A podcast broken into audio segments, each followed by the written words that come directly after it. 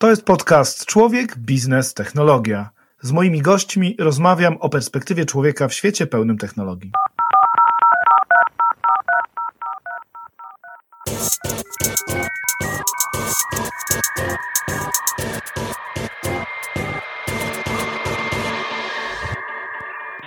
Cześć, dzień dobry. Witam Cię w kolejnym odcinku podcastu Człowiek, Biznes, Technologia. Dzisiaj będzie o podróżowaniu. O podróżowaniu bardzo mi bliskim, bo o podróżowaniu kamperami, ale także o budowaniu biznesu wokół wynajmu kamperów, o ekologii, o turystyce, o alternatywnym spędzaniu czasu, o workation w kamperze i o wielu innych tematach. A powodem do tego jest gość, którego mam dzisiaj przyjemność witać w moim studiu, Katarzyna Jedlińska, która kieruje polskim i słowackim oddziałem Campiri. Bardzo Was serdecznie zapraszam do wysłuchania naszej rozmowy. Cześć Kasiu, dzień dobry. Cześć, dzień dobry, witam Ciebie i witam wszystkich, którzy nas słuchają. Od dwóch lat mierzę się już troszeczkę ponad dwóch niestety z własnym projektem zbudowania kampera. Kupiłem starą ciężarówkę Mercedesa Sprintera. W tej chwili już jest przygotowana do takiej alternatywnej turystyki. Za chwilę w niego wsiądę, pojadę wiórę krakowsko-częstochowską. E, wspólnie z żoną, z dzieciakami będziemy sobie tam chodzili. I to jest nasz sposób na spędzenie majówki. Powiedz mi, ile według ciebie tak Polaków będzie właśnie taki alternatywny sposób spędzało tą majówkę? Ja myślę, że będzie coraz większa ta grupa. W tej chwili e, z podróżowania kamperem korzystało około 10% Polaków, natomiast deklaracje o takim realizacji tego marzenia, tego planu składa 66% Polaków. I powiem ci, jak patrzę na to, co się dzieje zarówno u nas w Campirii, ale też dookoła nas, E, no to jestem przekonana, że, e, że rzeczywiście z roku na rok, z miesiąca na miesiąc nawet, liczba osób, które zdecydują się właśnie na taki sposób spędzenia urlopu, dłuższego weekendu, długiego urlopu, czy nawet właśnie tego workation, o którym wspomniałeś, będzie rosła. Ja w ogóle bardzo się cieszę, że mogę z tobą rozmawiać o tych kamperach, bo ja obserwuję twój profil na Instagramie. E, jestem zachwycona tym, co zrobiłeś ze swoim samochodem i muszę ci powiedzieć, że to jest cudowna w ogóle sprawa, bo kamperowanie i w ogóle kampiri jako biznes też e, jest takim biznesem mocno wywodzącym się z pasji, opartym o pasję i wokół pasji. I to jest niesamowita energia też do tego, żeby to robić. To może dwa słowa o tej pasji, tak? No, Campiri nie jest polskim biznesem. Powstało w Czechach, założone przez Łukasza Januszka, którego historia jest niesamowita, bo przed Campiri, który skupia się na kamperach, rozumiem, że to samo robił z motorówkami i statkami. Tak, ale tak w ogóle e, Lukas był osobą, która związana była z branżą fintechową. Jest jednym z founderów e, takiego e, startupu, teraz już poważnej firmy Twisto. Twisto która... kupiony przez ING, zdaje Dokładnie tak, dokładnie tak. A teraz sprzedane do, no, zdaje się, nowozelandzkiego jednorożca, czyli do Zipa. Więc okay. w ogóle mm. fantastyczny, fantastyczny biznes, biznes pięknie rozkwitł. Więc Lukas, który wywodził się z tej branży fintechowej, E, od lat żeglował i rzeczywiście razem z przyjacielem e, stworzyli mechanizm do rezerwacji łódek, e, który wciąż funkcjonuje bardzo dobrze zresztą w Stanach, sobie radzi, ale tuż przed pandemią, a po wycofaniu się Lukasa z Twisto, Lukas miał taki moment w swoim życiu, że tak zastanawiał się, co on dalej chciałby robić. Znaczy, już trochę był zmęczony branżą finansową i szukał takiego E, pomysłu na biznes, który będzie powiązany też z jego pasją, a że właśnie spróbował kamperowania, szukał takiego pomysłu na to, żeby właśnie coś wokół tego e, stworzyć. I tak krok po kroku, trochę e, dzięki szczęśliwym przypadkom, powstało Campiri, które w Czechach działa już ponad półtora roku. Bardzo dobrze sobie radzi. No a ponieważ Czechy to nie jest duży kraj, naturalnym kierunkiem rozwoju e, jest e, większy rynek. No i padło na Polskę, stąd Campiri jest też w Polsce, od miesiąca na Słowacji, e, już też w Grecji, no i od października będziemy w Hiszpanii. To może dwa słowa o samej usłudze. Jak ja rozumiem, to tak naprawdę najprostszy sposób opisania Campiri to jest takie Airbnb dla kamperów. Dokładnie tak, to jest myślę najbardziej obrazowy sposób. Pracujemy z wypożyczalniami, ale też pracujemy z właścicielami indywidualnymi. I to jest właśnie ten e, wyróżnik, bo u nas w Polsce wypożyczalnie funkcjonują. Rzeczywiście znalezienie e, kampera jest możliwe, ale jest to dosyć skomplikowane. Ale, I to jest jeden rynek, ale ten rynek tak naprawdę jest w stanie zaspokoić e, niszę tak naprawdę. Natomiast właścicieli kamperów szacuje się, że w Polsce jest e, kilkadziesiąt tysięcy. No, ja tutaj jestem ostrożna co do danych cepikowych, nie lubię ich powtarzać, Natomiast y, jest tych samochodów w Polsce kilkadziesiąt tysięcy. W związku z tym one tak naprawdę przez trzy tygodnie w roku są używane, a przez resztę część roku stoją. I teraz stoją i niszczeją tak naprawdę.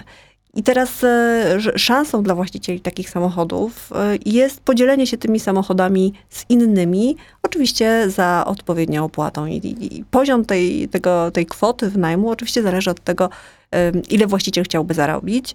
E, ja to, co widzę w tej chwili, rzeczywiście mogę podzielić właścicieli na tych, którzy typowo inwestycyjnie kupili kampery mm. i tych, którzy te kampery mają, jest to ich pasja i po prostu no chcą, żeby wiem, wartość tego ubezpieczenia, bo ubezpieczenie takiego samochodu jest dość drogą sprawą, zwróciła się, wtedy podejmują decyzję o najmie, podzieleniu się tym samochodem.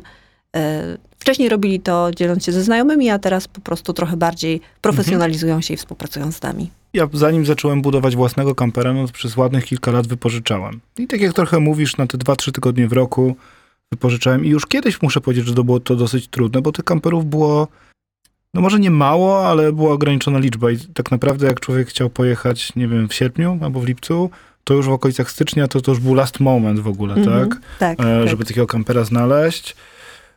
Muszę powiedzieć, że gdzieś w okolicy tuż przedpandemicznej to to jeszcze bardziej się utrudniło, prawda? Że w ogóle znalezienie kampera jeszcze w jakiejś sensownej cenie, no teraz graniczy z cudem, tak? Mhm.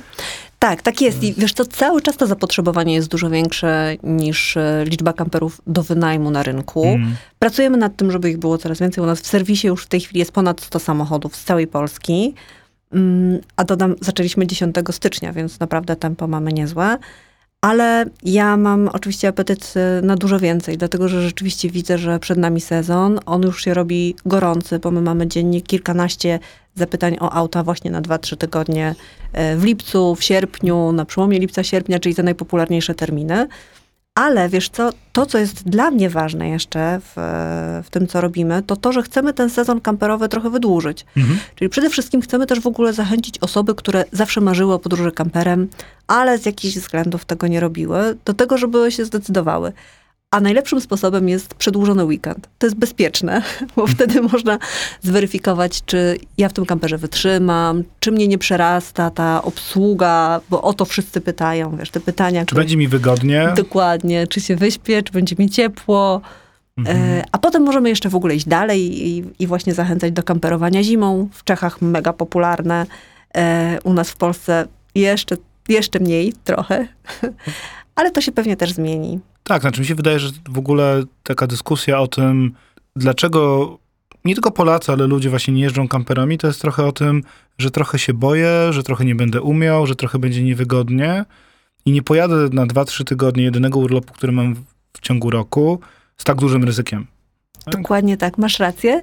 I jeszcze wiesz co, y, ze spotkań z ludźmi, jakich mam teraz bardzo dużo, którzy z, z, taką, z takim dużym zainteresowaniem zaglądają do kampera, E, wiem, że im się cały czas ten kamper, słuchaj, kojarzy z przyczepami starymi. Oni wchodzą i co jest w ogóle dla mnie tak zaskakujące, oni wchodzą i mówią, ojej, a tu nie śmierdzi takim, tą mm. wilgocią, tym, tą starością, że to jest wszystko takie nowe, że to jest jednak fajne. To ciekawe jest doświadczenie w ogóle rozmawiać z, z tymi wszystkimi osobami też i opowiadać im o tym, słuchajcie, no tak to teraz wygląda. Właśnie, jeżeli miałabyś tak powiedzieć twojej perspektywy. Ja oczywiście zaraz to skomentuję, bo temat jest mi bardzo bliski. Natomiast dlaczego powinienem pojechać na urlop kamperem, a nie do hotelu? To ja powiem tak. Bo przepraszam bardzo, bo cena już nie jest argumentem. Kiedyś można jeszcze było powiedzieć, bo kamperowanie jest tańsze. Paradoksalnie bardzo często jest droższe. I dlaczego warto? Tak, zdecydowanie w ogóle trzeba mieć świadomość tego, że jeżeli ktoś myśli o tanim urlopie, to to się dopiero opłaca od pewnego poziomu, czyli jeżeli mówimy o większej rodzinie, takiej jak na przykład moja, myślę, że przy twojej to też już... Przy e, czterech osobach. Tak, to już też, tak, to, to już jest okej. Okay. I przy tych destynacjach, które są uznawane powszechnie za drogie, e, gdzie ta infrastruktura hotelowa, pensjonatowa dla wielu osób jest poza zasięgiem, a kempingi nie są tam aż tak drogie i można te kraje zwiedzić. No Szwajcaria, Skandynawia bardzo popularna. Mhm E, teraz ostatnio, dla kamperowiczów z Polski zwłaszcza. Natomiast e, ja od razu zawsze też mówię, że kamperowanie nie jest dla każdego. To znaczy, to jest dla osób, które potrzebują wolności, gdzie to poczucie wolności, możliwości zadecydowania w każdej chwili o kierunku, w którym, do którego e, się udam na wakacje, e, sposobu, w jakim e, chcę spędzać te wakacje. Jeżeli to jest najważniejsze, jeżeli nie potrzebuję basenu all inclusive i animacji, no to znaczy, że mogę próbować kamperowania. Teraz, tak? I, I co to kamperowanie daje? oprócz tej wolności, o której powiedziałam, elastyczności, e, to jest po prostu przygoda i szansa na mm, obcowanie z naturą w zupełnie inny sposób niż to jest w hotelu. No to prawda właśnie, bo kiedyś pamiętam, tylko już teraz mi wypadło z głowy kczal. Na jednym z TEDxów właśnie była taka opowieść o o kupnie kampera i w ogóle o jeżdżeniu kamperem i tam było takie pytanie, takie stwierdzenie prowadzącego, czy opłaca się kupić kampera? I on powiedział, są rzeczy w życiu, które się nie opłacają, ale które po prostu warto robić. Dokładnie. Dowiedziałam to, ten, to wystąpienie. Ono jest genialne w ogóle. Pod... Tak, ja nie czy nie Jacek Walkiewicz. Tak. tak mi się wydaje, że to właśnie Masz Jacek, rację. tak? I, I ja to usłyszałem wiele lat temu i do mnie to bardzo trafiło. I bardzo często faktycznie jest tak, że jak sobie człowiek policzy te wszystkie rzeczy typu wynajem kampera, no potem jeszcze trzeba go zatankować. Potem jeszcze trzeba zapłacić za jakiś kemping. No chyba, że stajemy na, na dziko, na dziko tak? Dokładnie. To koniec końców jest to co najmniej porównywalny koszt. Ale jak człowiek się budzi na przykład w środku lasu, nad jeziorem, o wschodzie słońca i nie ma tam nikogo i pije sobie kawę, którą sobie właśnie sam przygotował, a potem sobie wsiada na rower i jedzie dookoła tego jeziora, to to są rzeczy, które są bezcenne. To są absolutnie bezcenne momenty. To są zupełnie inne emocje, po prostu. Te emocje takie, wiesz, które moim zdaniem pozwalają nam zwolnić, co w dzisiejszym świecie po prostu pędu i tego, że jesteśmy non-stop podłączeni pod telefony, laptopy, pracę yy, i, ten ogromny stres, który nam towarzyszy przy tym, to urlop w kamperze z, z, w ogóle totalnie zmienia mindset w mojej mm -hmm. ocenie. Znaczy to jest tak, że po pierwsze tym samochodem jedziesz dużo wolniej, już samo to powoduje, że musisz się przestawić, że nie jedziesz z punktu A do punktu B i jesteś konkretnie o tej godzinie właśnie tam. Tylko nie, musisz sobie pozwolić na to, że będzie jak będzie, jedziemy, jest fajnie, możesz się zatrzymać, możesz się cieszyć tu i teraz. I to jest w ogóle ta, ta, ta wartość, którą daje kamperowanie. To takie od razu takie mikrotipy faktycznie. Jeżeli spodziewacie się, że kamperem 1000 kilometrów przejedziecie poniżej 6 godzin, to, nie, to się nie wydarzy. Trzeba się przyzwyczaić do takiej bezpiecznej, średniej przelotowej 100-120 km i ją pokochać. E, I pokochać to, że nikogo nie wyprzedzacie na autostradzie. Że to wyprzedzają was. Że to wyprzedzają was i że to jest okej. Okay, tak. tak. I że to jest bardzo okej. Okay. Na początku się bardzo frustrowałem. Teraz w ogóle przestałem patrzeć na, na prędkościomierz. Więcej to też wpłynęło w jakiś sposób moim... Teraz już nie, już nie mam drugiego samochodu, jak w ogóle kieruję, tak? Ale taka uważność i ten taki, no tak ostatnio popularny slow life, jest bardzo powiązany z tym sposobem spędzania czasu. Zdecydowanie. To jest, wiesz, też wydaje mi się ogromna szansa mm, na to, żeby przyjrzeć się takiej, tej, tej zwykłości, która nas otacza i docenić ją. Bo my jesteśmy teraz przyzwyczajeni do tego, że wszystko ma być spektakularne, ma być w ogóle super, super takie, wiesz, luksusowe, spełniające jakieś takie nasze wyśrubowane oczekiwania. A w kamperze w sumie często siła jest w prostocie, tak naprawdę. Co prawda twój kamper nie jest taki prościutki. O tym porozmawiamy. Nie, ale tutaj wiesz, warto powiedzieć o tym, bo używamy słowa kamper. I ten, ta definicja kampera, to czym on jest i jakie spektrum możliwości, ona się fantastycznie zmieniła, tak? To znaczy obecnie możesz mieć kampera, którego masz przerobiony mały busik, tak? Volkswagen California. Możesz mieć starego, starego busa, możesz sobie wziąć, tak jak ja mam, nie wiem, przerobić samochód dostawczy na kampera 4x4, ale możesz sobie wziąć super luksusowy kamper wyprodukowany przez profesjonalną firmę, który jest jak jacht na kółkach, z telewizorem, mikrofalówką. Po prostu mm, dopracowany w każdym detalu. Tak. I masz hotel na kółkach de facto pięciogwiazdkowy, ale może być też off the grid, po prostu tak bardzo, bardzo blisko natury. Muszę ci powiedzieć o moim doświadczeniu podróży takim starym e, kamperem trudno było mi się na początku przestawić, wiesz? Bo mieliśmy takiego przerobionego Volkswagena California, z przyjaciółką zresztą. Jechałyśmy. To ten początek był taki, no wiesz, manualna skrzynia biegów, stary samochód, kierownica mm. bez wspomagania. Ale jak y, puściłyśmy sobie radio i akurat leciało Don't worry, be happy, Powiem ci, magiczny moment, magiczny moment. W ogóle od razu nam odpuściło to, że Boże, że za wolno, że nas wszyscy wyprzedzają właśnie, że wszyscy się oglądają. Super.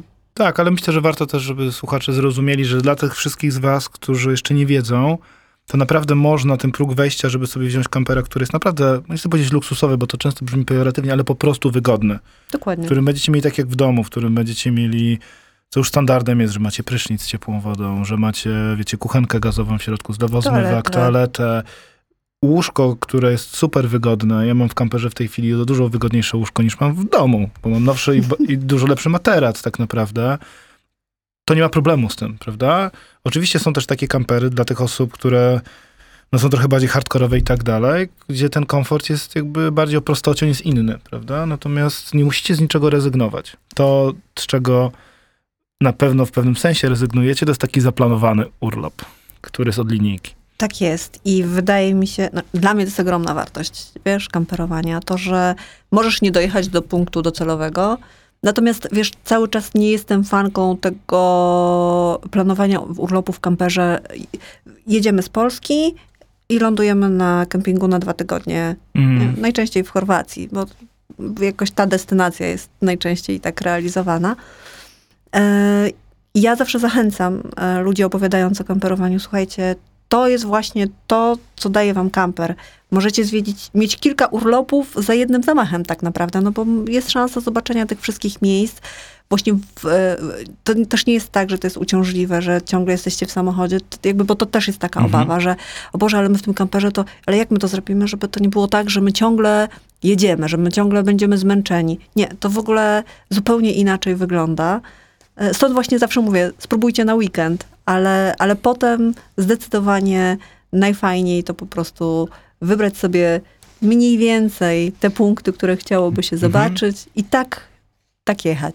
Tak, mi się wydaje, że słowo elastyczność to jest coś takiego, które definiuje, no bo kilka, kilka rzeczy, no nie wiem, ja na przykład pierwsza moja, pierwsza moja wyprawa to, to była akurat taka przedłużona majówka 10 lat temu już, e, do Szwecji, tak? No i to było takie 5 dni, w, jedną, w obie strony popłynęliśmy promem i sobie pojeździliśmy, tak? I to jest jeden model, tak? Ale na przykład dwa lata temu, w tym takim hardcovidzie bym powiedział, gdzie Chorwacja była praktycznie jedynym krajem, do którego Polacy mogli gdzieś tam, w ogóle można było -hmm, pojechać, mm -hmm to pojechaliśmy sobie na taki trzytygodniowy urlop, z czego pierwszy tydzień byliśmy na naprawdę luksusowym niemieckim kempingu, do dzisiaj pamiętam, Falksteiner Experience, to się nazywało. E, I tam postawiliśmy tego... Typowo kom... chorwacka nazwa. Dokładnie, prawda? I ich mottem było, że niemiecka jakość wszędzie na świecie. Zawsze to sama. E, I on był fantastyczny. I tam moje dzieciaki z żoną po prostu miały tydzień urlopu. Ja pracowałem, więc go postawiliśmy faktycznie trochę jak w hotelu, mhm. ale potem kolejne dwa tygodnie jeździliśmy po górach chorwackich. Tak więc da się też ja też rozumiem, że część osób, ja, my tak wtedy mieliśmy, też potrzebuje trochę takiego naprawdę odpoczynku typu nad basenem z drinkiem, no ale jednocześnie chwilę potem można się gdzieś przemieścić. Dokładnie, można sobie ten urlop podzielić e, fajnie, wiesz, nie jesteś skazany na dwa tygodnie nad basenem tak. tylko, nie? I animację. Przepraszam, jestem strasznym wrogiem animacji, więc ja po prostu non-stop będzie się to pewnie przewijało w tej rozmowie. Przepraszam. Mm. Okej, okay, taką fajną rzeczą, która mm, według mnie, dla mnie była takim, jest odkryciem i szczerze mówiąc na nią bardzo liczę, bo tego kampera dopiero skończyłem. To są tak zwane mikroprzygody, które kamper umożliwia, tak? Czyli przychodzi piątek, na przykład, mm, nie mam żadnych planów na weekend, to w tego kampera wsiadam i jadę sobie w górę. Na tak, przykład. Tak, Albo jadę ogóle... sobie pod miasto i po prostu jedyne co robię, to nocuję na polanie pod miastem, 20 km od Warszawy. Idealnie i ten model, o którym mówisz, on jest typowy dla krajów zachodnich w tej chwili. U nas właśnie jeszcze nie. Myślę, że to jest coś, co jest dopiero przed nami. I wiele osób mm, po prostu musi sobie gdzieś odwożyć przegródkę w głowie, że jest taka możliwość. Bo to, y, co w tej chwili mamy, to jest tak, że ludzie planując urlopy, czy nawet takie weekendowe wypady, myśli, że mają tylko do wyboru właśnie albo zorganizowany wyjazd, albo hotel, ukośnik, pensjonat. I nie ma tej trzeciej opcji, którą jest tak naprawdę kamper jeszcze. Znaczy, to nie jest powszechnie wiadome, że jeszcze mhm. jest, jest taka możliwość, z której można korzystać. Także tutaj jest długa droga, znaczy może nie taka długa, ale jest jeszcze kawałek drogi przed nami, żeby po pierwsze ludzi, e, ludziom to powiedzieć, po drugie, żeby ich do tego zachęcić, a po hmm. trzecie, żeby oni wreszcie to zrobili. No, a wiesz, a Polska wydaje mi się, że jest pod tym względem fantastycznym krajem, bo jesteśmy bardzo kompaktowi, nie jesteśmy za dużym krajem i jest mega różnorodnie. To znaczy, będąc powiedzmy mieszkańcem centralnej Polski, to masz 3-4 godziny nad morze, w góry, po prostu na Suwalszczyznę, wiesz, na zachód, nad jezioro, nad rzekę. Można naprawdę fantastyczne rzeczy robić. Tak jest i pomagają, wiesz, takie akcje, zresztą wczoraj na ten temat rozmawiałam, Mazowiecka Regionalna Organizacja Turystyczna organizuje taką akcję kamperem przez Mazowsze. E, I oni, wiesz, pokazują, gdzie można tym kamperem po Mazowszu jeździć. E, tutaj jest e, ważny wątek infrastruktury. To jest jeszcze chyba temat, którym też, którym mm -hmm. też powinniśmy poruszyć, bo u nas w Polsce niestety to trochę kuleje. Ale tego typu akcje też właśnie pokazują tę weekendową, weekendową szansę, żeby na tym teoretycznie nudnym Mazowszu, który tutaj znamy, żeby można znaleźć takie fajne miejsca, gdzie nie trzeba się przejmować tym, że nie ma infrastruktury noclegowej. Tę infrastrukturę masz ze sobą. I wszystko inne możesz, możesz sobie zwiedzać, oglądać, doświadczać i cieszyć się tym czasem. E, bardzo fajne są, e, bardzo fajne też na pewno, na, nie wiem jakie są twoje doświadczenia, ale bardzo, ja tutaj bardzo polecam Dolny Śląsk, który jest cudowny, moim zdaniem, właśnie też na takie mm. kamperowe wypady. A z kolei jedna z zaprzyjaźnionych naszych właścicielek e, zawsze, mm, kampera, zawsze opowiada o E, roztoczu, że to jest właśnie też fantastyczne miejsce na podróże kampera. Czy myślę, że niesamowite jest to, że jakbyś porozmawiała sobie z różnymi właścicielami kamperów, to w zależności od tego, w które miejsce Polski się zdecydowali, to okaże się, że każdy jest fantastyczne. Że tych takich mikromiejstówek, które coś sobie mają, pewnie w każdym województwie są. No, mówisz Mazowsze. Dosłownie ile, trzy tygodnie temu, tuż przed świętami Wielkiej Nocy, z dzieciakami e, mówimy, był właśnie piątek przed, przed mm. tym. To to jak ten weekend spędzić? Mówię, słuchajcie, nigdy nie byliśmy w Santago, to jest to takie centrum, centrum basenowe mhm. pod Warszawą. To może zróbmy tak, pojedziemy do Santago, na cały dzień tam spędzimy drugą połowę dnia e, na basenach, gdzieś tam przynocujemy i zobaczymy, co dalej. Następnego dnia wstaliśmy rano, mówimy, kurczę, jesteśmy koło Łowicza, więc mieliśmy ze sobą koszyk z jajkami, po, mhm. pojechaliśmy je poświęcić do Łowicza, potem pojechaliśmy do skansenu pod Łowiczem, a skończyliśmy w Parku Arkadia w Nieborowie. Pięknie. I byliśmy mhm. o 18 w domu tak? I taka mikroprzygoda, gdzie wyjechaliśmy w piątek o 15 po pracy i byliśmy 17-18 w sobotę. Idealnie, co? No po prostu, no. wiesz, no. I zobacz, jak fajnie ten czas jest wykorzystany. On nie jest przetrawiony na to, że nie wiem, zwlekasz się o 11 z łóżka, coś tam kręcisz się po domu, nie wiesz co zrobić. Nie, tylko jest właśnie też jest, odpoczywasz, ale ten odpoczynek jest taki fajny, konstruktywny, daje mm. inny oddech, y, zmienia twoją perspektywę. Ja też bardzo właśnie to cenię i to lubię i, i, myślę, że to jest fantastyczne doświadczenie. Bardzo bym chciała, żeby więcej osób mogło tego, y, tego próbować. No właśnie, ale powiedziałaś jeszcze jedną bardzo ważną rzecz, która mm, może być pewnym blokerem, to jest infrastruktura. Mhm. To znaczy jakby oczywiście można kamperem czy samochodem też zwykłym jeździć w ten sposób, że jedziemy, nie wiem, gdzieś tam na dziko śpimy tutaj, tutaj na stacji benzynowej coś, ale pod koniec dnia, żeby to było ekologiczne, żeby to też było bez wpływu na środowisko, potrzebna jest infrastruktura kamperowa. Gdzieś tą szarą wodę trzeba spuścić, gdzieś napełnić wodą pitną, gdzieś tą toaletę opróżnić. Na zachodzie jest tego bardzo dużo, w Polsce no, chyba nie tak bardzo. W Polsce, wiesz co, w Polsce widzę, że cały czas y, jeszcze dużo nam brakuje niestety pod tym względem. Y, rozmawiam z samorządami trochę na ten temat, bo jest to taka rzecz, która dla mnie osobiście, którą traktuję jakoś tak ambicjonalnie, myślę sobie, że e, kamperowanie w Polsce nigdy nie rozwinie się na taką skalę, jak mogłoby, jeżeli nie będzie wsparcia właśnie w tej infrastrukturze.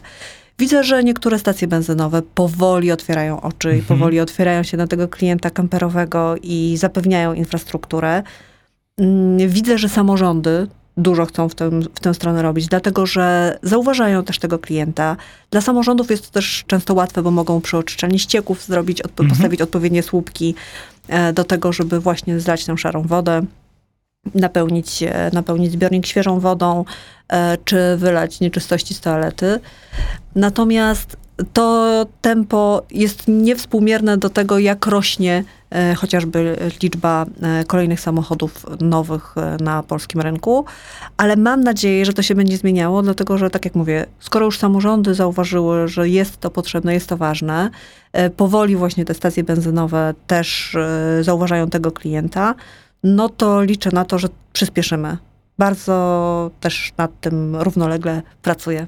Czy obserwujecie no jako kampieri jesteście od kilku miesięcy, no na pewno ten rynek obserwujecie dłuższego czasu.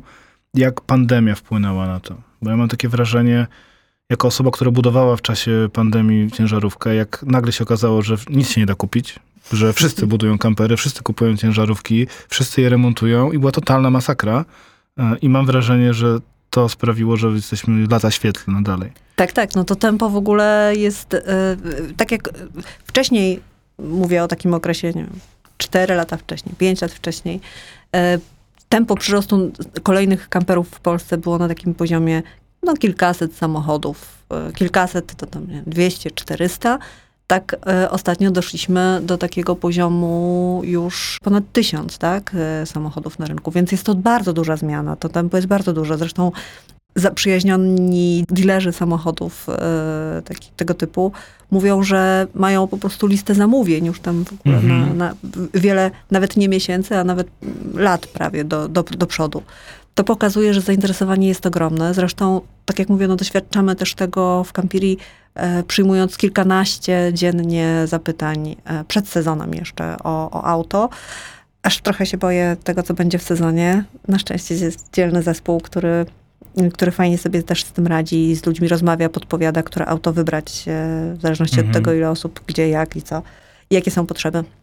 Natomiast wracając do twojego głównego pytania, tak, pandemia zdecydowanie przyspieszyła y, zainteresowanie y, podróżą kamperami, ale też dlatego, że były zamknięte wszystkie hotele, y, nie było, mhm. to, to, nie było dostępne, tak? Wątek bezpieczeństwa też na pewno miał tutaj swoje znaczenie, bo jeżeli już te hotele się trochę otworzyły, to jednak no, byłeś narażony na kontakt z wieloma osobami. Natomiast w kamperze można było się czuć bezpiecznie, bo jedziesz tylko ze swoimi najbliższymi, nie musisz być na zatłoczonym polu kempingowym, możesz być bardziej na dziko e, odpoczywać i tak dalej. Więc myślę, że pandemia bardzo przysłużyła się tutaj w Polsce rozwojowi e, karawaningu. Natomiast e, w Europie Zachodniej, no wiesz, karawaning tam, no jak sam, sam na pewno też wiesz, bo ty jesteś jednym z tych mm. trendsetterów w Polsce, no, jest, jest od wielu lat bardzo popularny E, Niemcy, Francuzi, e, Włosi kochają ten sposób podróżowania. Skandynawowie. Skandynawowie. Ta, o tak, tam w ogóle na przykład, to jest bardzo ciekawy w ogóle ten przykład Skandynawii, bo tam, e, zobacz, jest bardzo mała pula e, takich pensjonacików, to co u nas funkcjonuje. Mhm. E, tam są po prostu pola kempingowe, świetne jakościowo, e, zapewniające ci naprawdę wszystko, czego możesz potrzebować w bardzo dobrej cenie. Więc no, to ciekawy jest ten. No tam ten... też jest ten model. Ja pamiętam, jak się w podstawówce uczyłem i wtedy jeszcze go sobie wyobrażałem, teraz go widzę na żywo.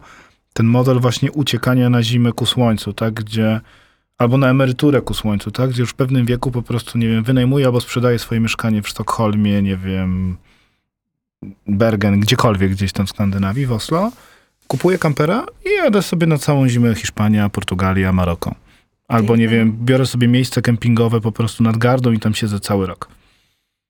Tak? Myślę, że też jako Polska powoli dochodzimy też pewnie od strony majątku do takiego momentu. Pewnie nas po prostu zaczyna trochę być stać. Dokładnie, chociaż to jest trochę jak w tym wstępie na TEDxie, mm. o którym wspomniałeś. Niemcy mają wciąż lepsze. No tak, ale to też jest czasami o takim sposobie tego, co ci jest potrzebne do życia. Ale oczywiście, tak? że tak. Wiesz, moja mama lat 70 też ma w tej chwili mikrokamperkę i ona mówi, wiesz, ja mogę pojechać do Hiszpanii zimą i tam za kilkaset złotych miesięcznie de facto żyć, tak? Bo mam tam świeże owoce, wino w kartonie, po prostu wiesz, słońce i czego więcej mi trzeba. Gorące źródła w ogóle na północy, cudowne, dostępne, otwarte dla wszystkich. E, takie mm. też na dziko. Wspaniałe doświadczenie w ogóle, jeżeli mówimy rzeczywiście o kamperze w Hiszpanii. To też bardzo, bardzo polecam i to, to też było dla mnie, jak byłam w ogóle pierwszy raz teraz e, w listopadzie tam, i pojechaliśmy na takie dzikie, gorące źródła i, jak, e, i tak siedziałam sobie w tych źródełkach i patrzyłam, a tam po prostu rzeczywiście panorama samych kamperów ustawionych mm. i szczęśliwych ludzi w każdym wieku. Od mm, studentów po naprawdę takie osoby bardzo, bardzo już dojrzałe. I to też jest fantastyczne, myślę, bo mm, karawanik jest dla każdego, jeżeli chodzi o wiek. Znaczy, tu tą granicą jest ten wiek 26 lat, no bo to chodzi o kwestię ubezpieczenia i tak dalej. Natomiast, e, natomiast jest to dla osoby w każdym wieku. Każdy znajdzie mhm. tam coś dla siebie, każdy może zrobić to po swojemu. I to jest e, też ten plus. No tak, zdecydowanie, no bo myślę, że w tej chwili też to bardzo w Polsce widzimy, że kiedyś karawanik był pewnie bardziej dla tych zamożnych osób, albo dla takich, powiedziałbym, ala hipisi. W tej chwili mhm. co najmniej klasa średnia, ale też bardzo dużo właśnie osób w takim dojrzałym wieku zaczyna korzystać z tego. I cudownie, bo mogą się tym cieszyć. Nie? Zresztą mam bardzo ciekawe doświadczenie z naszego ostatniego spotkania z warszawakami w browarach warszawskich, gdzie podeszła do nas pani e, już na emeryturze. I mówi, wiecie co, ja to kiedyś próbowałam tego, e, tego kampera, takiego jeżdżenia, ale ja to jednak lubię, żeby było wygodnie. Hmm. Co prawda ostatnio skakałam ze spadochronem, byłam na takim spocie, e, morsowałam, ale ten kamper to chyba nie. I tak rozmawiamy. Ja w końcu mówię, ale niech pani zajrzy do tego kampera, niech pani zobaczy, co się zmieniło. Pani weszła i po prostu zrobiła wielkie oczy i mówi, wow, przez te 20 lat dużo się zmieniło. Mm. I e, od słowa do słowa doszliśmy do tego, że pani w końcu rzeczywiście zdecydowała się zarezerwować auto na ty tygodniowe wakacje. Po Polsce chcieli trochę pojeździć z mężem. Natomiast e, fantastyczne było też to doświadczenie.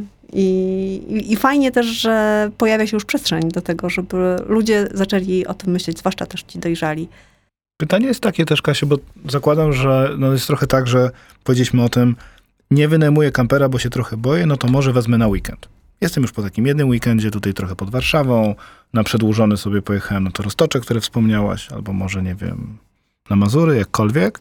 Potem byłem, ok, już radzę sobie w Polsce, to pojechałem na dwa tygodnie, nie wiem, Chorwacja, Hiszpania, Fra w ogóle Francję bardzo polecam, polecam Francja, cudowna kamperowa. To jest moje marzenie. Moje marzenie. E, o tym możemy za sekundkę jeszcze porozmawiać. Ale być może następuje taki moment, że mówię, aha, to może ja bym go chciał mieć na stałe. Tak, i wydaje mi się, że dla takich osób kampir jest właśnie o tyle fajne, że trochę to, co mówisz, jednak jeżdżę kilka tygodni, a potem ten kamper stoi i mówię, no to taniej mi ciągle wynająć. Ale mając możliwość zarobienia na nim ponownie, być może więcej osób się zdecyduje na kupno. Wiesz co, ja myślę, że to jest też kwestia tego, jak my do tego dobra nazywającego się kamper podchodzimy. E, w tej chwili bardzo często mm, mieliśmy do czynienia z osobami, które jak już spełniły to swoje ogromne marzenie o kamperze, pielęgnowane wiele, wiele lat, to oni się nie chcieli za bardzo tym samochodem dzielić. Jestem w tym momencie właśnie. twój, ja wiem, no, twój kamper ma imię, jest wypieszczony i cudowny. E, natomiast e, potem przychodzi, mam wrażenie, taki moment nasycenia, mhm. I ktoś stwierdza, nie, no rzeczywiście to jest bez sensu. Niech ktoś inny też spróbuje i rzeczywiście niech to auto nie stoi. Czyli jest taki moment zachłyśnięcia się, jeżdżę tym kamperem, używam go rzeczywiście bardzo dużo i potem to trochę wygasa. E, I wtedy właśnie wkraczamy my, cali na biało i można z nami pracować i można tym kamperem podzielić się z innymi osobami. E, dodam, że my tutaj też zapewniamy oczywiście odpowiednie warunki ubezpieczenia, mamy współpracę mhm. z Wartą, więc właściciel auta może czuć się bezpieczny E, ale też czuje się bezpiecznie osoba wynajmująca, bo pamiętajmy tak, że większość osób to są, e, to są ludzie, którym też zależy na tym, żeby tego auta nie uszkodzić. No jasne. E, więc no i oczywiście są te obawy takie, jak to normalnie przy takim biznesie, natomiast, natomiast póki co widzę, że obie strony bardzo się starają, przeżywają ten cały proces wynajmu i tak dalej. My staramy się z naszej strony zapewnić pełne bezpieczeństwo. Też udostępniliśmy naszym właścicielom takie narzędzie do weryfikacji klientów, czyli tego, jaka jest historia e, mhm. wypożyczającego, jeżeli chodzi o w ogóle historię w rentekarach, e, czyli w takich wypożyczalniach samochodów. Okej, okay, fajnie. Bardzo mhm. to jest fajne. Ja myślę, że to jest bardzo fajna informacja, też e, trochę uspokajająca, no bo zawsze właściciel kampera pyta nas o to, a co będzie jeśli? I tutaj, wiesz, jest cała lista różnych historii, mniej lub bardziej nieprawdopodobnych, ale ja to rozumiem, tak? To też mm, kupno kampera to jest duży wydatek, tak? No to taki te, w tej chwili na rynku, żeby znaleźć auto za 100 tysięcy, no to trzeba się chyba naprawdę bardzo mocno nagimnastykować. To mocno używane. Na Dokładnie i mhm. mocno używane. Auta nowe są od 350-60 tysięcy. No i tutaj ta cena jest oczywiście y, wzwyż y, niedookreślona, tak, no bo to w zależności od tego, hmm. jak y, bardzo wypasioną, luksusową wersję chcielibyśmy zakupić. Natomiast i, i te obawy są oczywiście naturalne, natomiast ja rzeczywiście zachęcam do tego, żeby podjąć ten krok, spróbować, zobaczyć. I większość osób się potem przekonuje do tego. Tak, ja, myślę, że tutaj gracie też w bardzo fajnym trendzie. Znaczy gracie w kilku trendach, co po prostu chwilę jeszcze o nich powiemy, natomiast gdzieś tutaj to sharing economy na takim wczesnym etapie Airbnb bardzo jest widoczne. Airbnb też na początku, jak pamiętam, jak sam korzystałem dużo, to była ekscytacja, tak jak mówisz, z obu stron. Ci wynajmujący, którzy to mieszkanie przechodzili, kawkę robili mhm. i tak dalej. Dopiero potem Airbnb, powiedziałbym, skręciło w stronę bookingu, w stronę bookingu mhm. bardziej. E, nie wiem, czy w kamperach tak, no życzę wam trochę, żebyście byli na tyle duzi, żeby to w stronę takiego bookingu poszło. Natomiast sharing ekonomii jest ważne tutaj, tak? Bo z jednej strony, tak jak mówisz, mam tego kampera i to pozwala mi trochę mm, no, odkuć się z tą inwestycją. A 350-600 tysięcy to jest duża inwestycja. Dokładnie. A, A możesz e, mieć zwrot na poziomie około 40 tysięcy rocznie. Tak. Nawet. Ale z drugiej strony też jest trochę o, wiesz, no jednak o ekologii, tak? To znaczy im mniej tych samochodów jest produkowane, im bardziej one jeżdżą, tym dla nas, jako dla społeczeństwa i dla planety lepiej. Dokładnie tak. Ja bym jeszcze tutaj dodała ten wątek e, wspierania lokalnych społeczności, bo on jest dla nas szczególnie mhm. istotny. I tutaj powiem o tym naszym nowym pomyśle, który e, wchodzi w życie już w maju, czyli e, camper spots, miejsca, gdzie można tym kamperem stanąć. Z jednej strony to pola kempingowe, z drugiej strony agroturystyki, ale też działki prywatnych właścicieli. I tutaj jakby ta to wspieranie lokalnych społeczności to jest nie tylko możliwość dodatkowego zysku dla takiego prywatnego właściciela czy agroturystyki, ale też na przykład e, wsparcie lokalnych producentów. Można zorganizować super śniadanie, degustacje. Mm. Bardzo fajnie się w ten trend też wpisują e, dolnośląskie winnice, których e, jest przecież sporo i które w ogóle są świetnie przygotowane do przyjmowania kamperów. Akurat tam infrastruktura jest już zapewniona w wielu miejscach.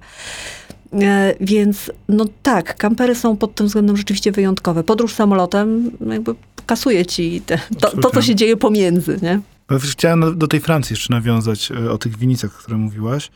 E, no bo jak się jedzie samemu kamperem, mm, przy założeniu, że nie nocujemy na kempingach, no to jest takie pytanie, no to gdzie? Tak? Ja pamiętam do dzisiaj, jak musiałem moją żonę namawiać, żebyśmy pierwszy raz nocowali na przykład na stacji benzynowej przy autostradzie, ale, ale że jak to, że przy stacji?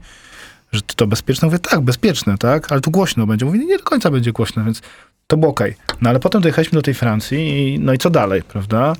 I są takie aplikacje, jak rozumiem, Campirispos będzie jedną z nich, ale jest na przykład taka chyba najsłynniejsza Park, Park for, Night, Night, którą mhm. też bardzo polecam. Ona jest i darmowa, i płatna.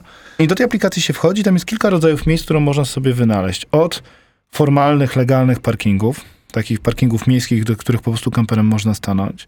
Więc jak dojeżdżamy wieczorem późno do jakiegoś miasta, no to zawsze jest jakiś plac, jakiś mały rynek, gdzie można stanąć. Przy supermarketach czasami Przy supermarketach, czasami mhm. przy plaży. Mhm. Kilka razy naprawdę nam to ratowało skórę. Są oczywiście kempingi, takie kempingi płatne, gdzie można sobie od razu wynaleźć, zobaczyć zdjęcia i pod tym względem. Są legalne, ale dzikie miejscówki, tak? Ja od razu ostrzegam, że są takie kraje typu Chorwacja, gdzie nie wolno, nie, gdzie nie wolno na dziko stawać i się to wiąże z mandatami. I to takimi wysokimi dosyć. Wysokimi, bardzo wysokimi mandatami. Ale w takiej Francji jest dużo takich miejsc, gdzie naprawdę można, czy w Danii była fantastyczna w tym roku, absolutnie fantastyczna, jeżeli chodzi o takie miejsca, gdzie można sobie stanąć gdzieś na plaży, z widokiem na morze, na jezioro, w środku lasu. Takie miejsca, o których byście nigdy nie pomyśleli, naprawdę. Ale jest jeszcze czwarta kategoria, która jest absolutnie fantastyczna. Tam jest oznaczona takim traktorkiem, to jest mhm. agroturystyka.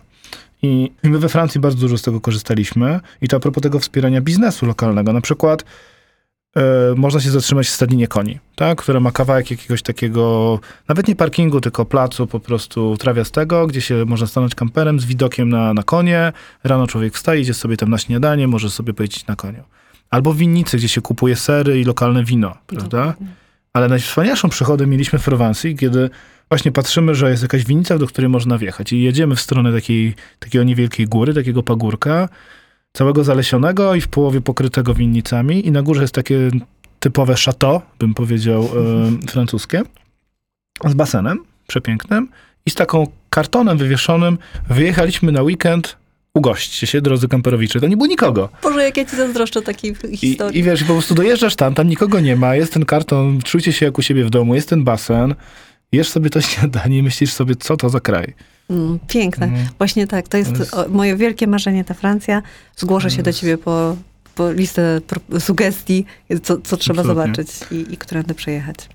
Tak, a, a wróćmy na sekundkę jeszcze, Kasiu, do tej ekologii, bo to jest taki to jest taki nie do końca intuicyjny wątek. Tak, no przecież kampery to diesle głównie, prawda? Mhm. Samochody. E, kamperów elektrycznych jest jak na lekarstwo, bo to dość e, już w ogóle bardzo droga impreza. Natomiast no, pamiętajmy, że ten ślad węglowy wciąż jest mniejszy niż przy podróży samolotem. To mhm. zdecydowanie.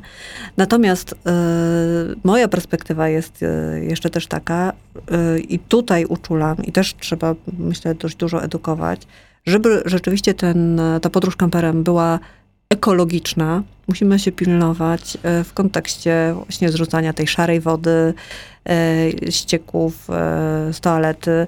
No jednak nie wrzucamy tego do jeziorka, czy gdzieś mhm. tam do rowu pobliskiego. Tak to nie wygląda. Nie powinniśmy na to przymykać oczu. Dlatego tak ważna jest właśnie rozbudowa tej infrastruktury, żeby żebyśmy mogli mówić o tym, że kamperowanie jest ekologiczne. Nie? Czyli musimy trochę jeszcze nad tym popracować. Ale tak, no wątek ekologii jest tutaj na pewno e, jednym z bardziej istotnych. Chociaż mam wrażenie, że wątek ekologiczny, jeżeli chodzi w ogóle o podróżowanie, okay. jest nie jest traktowany serio. To znaczy nie jest e, traktowany na poważnie i, i wciąż dla większości, chociaż myślę, że ta grupa jest e, coraz mniejsza, ale, dla, ale wciąż większa, nie jest to E, kluczowy argument, dlaczego powinienem podróżować tak, a nie inaczej. Myślę, że ta, ale myślę, że ta dyskusja jest przed nami. To znaczy, jakby zastanowienie się, czy naprawdę city breaki po prostu samolotem na dwa dni do Rzymu z tanimi, tanimi biletami, chociaż to w obecnej sytuacji się już według mnie skończyło i to nie wróci, te tanie bilety, biorąc pod uwagę sytuację, którą obecnie polityczną mamy. Czy to jest dobre, tak? Bo ja nie jestem przeciwko, byłbym hipokrytą, gdybym nie powiedział, że sam nie latam e, samolotem na wakacje, bo robię to, Natomiast naprawdę już zaczynam się zastanawiać, jeżeli mam gdzieś polecieć na dwa dni. Co to oznacza, tak? Co to oznacza dla śladu węglowego, co to oznacza dla ekonomii, co to oznacza dla ekonomii mojego kraju, ale też tego przyjezdnego. Jak te miasta typu Wenecja, o których rozmawialiśmy przed nagraniem, co to oznacza, że tam tyle milionów osób przyjeżdża? Dokładnie. Tak? Bo to też jest w pewnym sensie degradacja takiego miejsca prawda? Miejsca, które jest przecież e, kultowe i przepiękne, ale jest tak zadeptane, że trudno się dopatrzyć, dokopać do mm. tego piękna. Tak, no zdecydowanie. I właśnie dlatego, wiesz, w kamperach ważne jest to, żeby umieć znaleźć e, Friday, wypoczynek, relaks w tym, że jesteś, nie wiem, czasami nawet 60 kilometrów od Warszawy, e, w której w tej chwili mm. jesteśmy, tak? I że tam też można odpocząć, że nie musisz pokonywać 6 tysięcy kilometrów żeby odnaleźć to, co jest ci w danym momencie potrzebne. Plus camper ma to jeszcze jedną zaletę, że łatwo go połączyć z innymi sportami. Tak? No bo jeżeli sobie zapakujemy do niego rowery, możemy sobie do niego za, coraz bardziej popularnego supa zapakować też, tak? Czyli ten taki po, pompowaną deskę, mhm. deskę surfingową do, z, z wiosłem, czy właśnie chociażby deski surfingowe, czy jakikolwiek inną rzecz do uprawiania sportu, to się nagle okaże, że po prostu jesteśmy poza miastem i robimy jeszcze coś ciekawszego. Tak jest, kampery lubią się bardzo ze sportami, ale kampery lubią się też z pracą. To znaczy, ten wątek, yy, nie chciałabym tutaj psuć tego cudownego sielankowego nastroju, mm. ale z drugiej strony, w kamperze można też pracować. I, I to jest w ogóle, ja mam doświadczenie pracy z widokiem na jezioro. No, no wspaniałe, znaczy zupełnie inaczej się e, funkcjonuje i pracuje w takich warunkach. Praca jest zrobiona, urlopu brać nie trzeba, bo praca mhm. jest wykonywana normalnie, ale wystarczy na chwilkę oderwać wzrok od klawiatury podczas spotkania i już po prostu e, wszystko odpoczywa. Głowa, E, odchodzi stres taki, e, który jakby w zamkniętym biurze wydaje się dużo większy, więc no to jest też fajny taki trend. E, zresztą są korporacje, które dla pracowników wynajmują już kampery, tak jak wynajmują mieszkania w różnych stolicach europejskich, żeby na przykład przez tydzień mogli sobie gdzieś indziej popracować. Jest to swego rodzaju bonus. No w ogóle teraz ten trend workation, no jesteśmy w 2022 roku i to już nie jest coś takiego bardzo niestandardowego. No, myślę, że bardzo wiele firm, szczególnie w branży technologicznej, to, to robi jako część w ogóle takiego standardowego programu pracowniczego, tak? Tak jest. Znaczy, powiem ci, że tutaj akurat dla mnie, e, ja od zawsze w zasadzie miałam możliwość pracy zdalnej, więc dla mnie to też e, nie jest nic nowego. Natomiast bardzo się cieszę, że e, rośnie akceptacja po stronie przełożonych dla tego typu pracy, bo właśnie pandemia pokazała, że można mieć bardzo dobre wyniki, bardzo dobre efekty, e, niekoniecznie spędzając czas przy biurku hmm. przez te 8 godzin, tak? Więc no to, jest, e, to jest bardzo fajna zmiana. Zresztą e, ostatnio czytałam też jakiś artykuł na ten temat, że były przeprowadzone badania, że ludzie po prostu już nie chcą wracać do pracy, gdzie 5 dni w tygodniu musisz stawiać się w określonych godzinach w biurze i, i siedzieć za biurkiem. Więc to jest, to jest ogromna zmiana, efekt pandemii, I myślę, że to bardzo przyspieszyło. Inaczej nie wiem, na ile e, home office byłby tak akceptowany, e, ile by nam to jeszcze zajęło. No, więc kończąc trochę ten temat workation, jeżeli jesteście już przyzwyczajeni do home office i pracujecie w ten sposób cały czas, to wyobraźcie sobie, że macie home office, tylko że codziennie w innym miejscu pijecie rano kawę, herbatę czy cokolwiek lubicie. Tak, kamper może być waszym home office, tylko mobilny. I na wszystkich kolach chwalicie się widokiem za oknem. Codziennie innym. Tak, czasami, czasami włączenie takiego widoku może zdenerwować współuczestników. A, albo ich zainspirować, wiesz, no to zawsze każdy kij ma dwa końce. Kasiu, a tak na sam koniec jeszcze, e, bo wspomniałaś też o tej zimie i o tym, że staracie się przedłużyć ten e, sezon kamperowy poza latem, tak? mhm. tak? Poza tym, że jest ciepło. Na ile to jest według ciebie już taki widoczny trend i w ogóle co masz na myśli mówiąc, że zimą da się w kamperze? E, to jest w ogóle, przyznaję, że to w ogóle też i moje odkrycie było, kamperowania zimą. Ja pamiętam, jak była pandemia, pojechaliśmy na biegówki na Polanę Jakuszycką. Wszystko oczywiście wtedy było zamknięte, my tak byliśmy półoficjalnie w odwiedzinach urodziny e, na Dolnym Śląsku i e, pojechaliśmy na Polanę i tam rządkiem stały kampery. Jeden na polskich numerach, pozostałe na czeskich. Bo tak jak powiedziałam, w Czechach już hmm. jest to bardzo popularne i rzeczywiście e, oni dość dużo jeżdżą, jeżdżą do Austrii i stamtąd chyba się zainspirowali w ogóle tym kamperowaniem zimowym i przywożą to trochę do nas. I tak sobie myślałam, Boże, jak oni w tym kamperze wytrzymują? Przecież jest zimno, przecież jest śnieg i w ogóle. Jak w ogóle, jak to wygląda, jak to jest? I potem pomyślałam sobie, no przecież kamper ma ogrzewanie. I to są dwa rodzaje tego ogrzewania. Jest elektryczne, jest gazowe, w zależności od tego, jaka temperatura jest na zewnątrz. I otworzyły mi się oczy, że to musi być fantastyczne, że yy, parkujesz z widokiem, nie wiem, na stok, na, czy mhm. na tę polanę jakuszycką. Jesteś pierwszy na trasie, jedziesz po tym takim jeszcze nie, nie ubitym śniegu, to ty wytyczasz szlak. Więc to, to jest fantastyczna sprawa. E, I powiem ci, że e, w Campiri zaczęliśmy nasze takie działania marketingowe od tego, że wysłaliśmy e, ekipę z Polski na bieg wazów do Szwecji właśnie kamperem. I historia jest taka, uwielbiam ją opowiadać, bo ona właśnie pokazuje, jak, jak trzeba też zaufać temu, że można mhm. kamperować zimą. Ekipa odebrała swój samochód w Pradze, ruszyli, przejechali promem, są w Szwecji. No i zaparkowali auto, dzwonią do mnie rano. Nie przytoczę całej tej rozmowy, ponieważ była ona mocno niecenzuralna. W związku z tym zaczęło się od y, niezbyt miłych rzeczy, bardzo niemiłych rzeczy i bardzo, bardzo niemiłych rzeczy. I potem dałaś nam włoski samochód, on się nie nadaje w ogóle na takie warunki. To jest 8 stopni, na zewnątrz minus 15.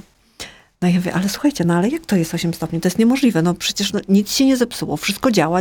Okazało się, że panowie nie słuchali instrukcji, no bo to też jest mhm. tutaj e, tip z mojej strony. Zawsze trzeba słuchać instrukcji właściciela auta, nawet jeżeli trochę się już jeździło kamperem, w każdym aucie jest inaczej, więc e, tutaj uważność jest wskazana. Panowie nie słuchali, no i e, okazało się, że zamiast włączyć e, ogrzewanie gazowe, jechali na prądowym, które po prostu nie dało rady przy mhm. tak wysokich temperaturach na zewnątrz. Więc uf, następną noc już mieli 21 stopni, byli przeszczęśliwi. Potem nawet sobie robili saunę po 26 stopni w środku, a na zewnątrz wciąż minus kilkanaście stopni, więc e, przygodę, e, przygodę mieli zaliczoną.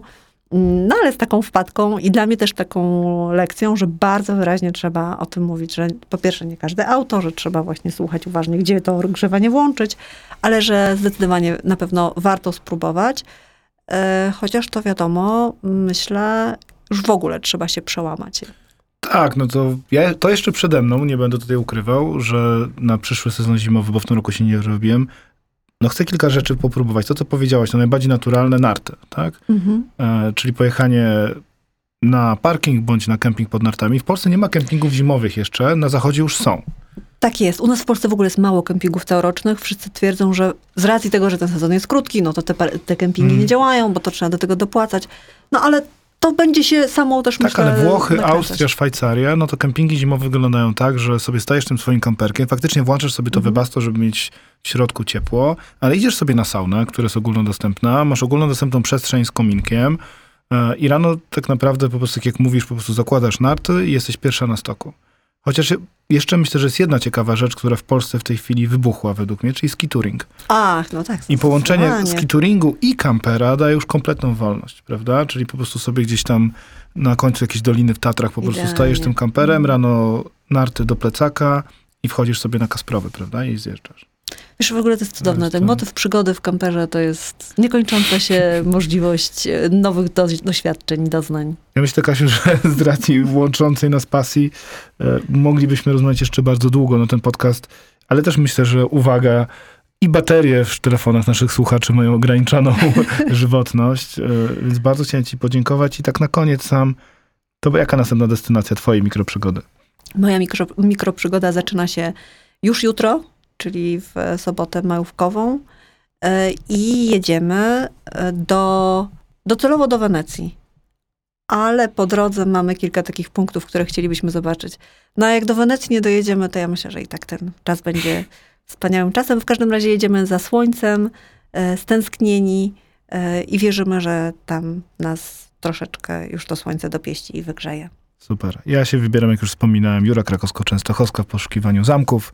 Kazimierza Wielkiego. Myślę, że tyle mikroprzygód, ilu słuchaczy, więc bardzo was zachęcam do tego, żebyście próbowali. Nie macie jeszcze kampera, to jest ok, weźcie swój samochód, zapakujcie rowery. Nie chcecie jechać dużym kamperem, kupcie sobie bagażnik z namiotem dachowym, to też jest fajna opcja. Tak jest. Można to spróbować. Ale można też spróbować kampera od nas, mniejsze, większe. Dokładnie tak, Zapraszam. natomiast e, dla tych, którzy nie mają kampera, spróbujcie z kampiri sobie coś wypoczyć. Dla tych, których mają kampery, zachęcam, żeby zastanowili się, czy nie umieścić w tej bazie i powiększyć e, powiększyć. Do tego też zapraszamy. Tak, bazę i też dzięki temu być może zachęcić innych do tego, żeby skorzystali ze szczęścia, który wasz samochód może dać. Kasiu, I, dziękuję. Dziękuję i wydłużajmy razem sezon. Ja do tego zachęcam. Super. Dziękuję ci bardzo. Dziękuję pięknie.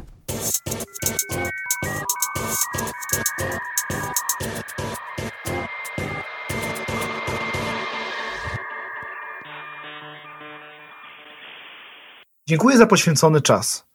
Ten oraz inne odcinki podcastu Człowiek Biznes Technologia znajdziesz na stronie Deloitte.com oraz na najpopularniejszych platformach podcastowych takich jak Spotify, Apple Podcast, Tidal czy Google Podcast. Jeżeli chcesz otrzymywać powiadomienia o nowych odcinkach, zasubskrybuj na www.deloitte.com łamane przez pl łamane przez subskrypcję. Do usłyszenia.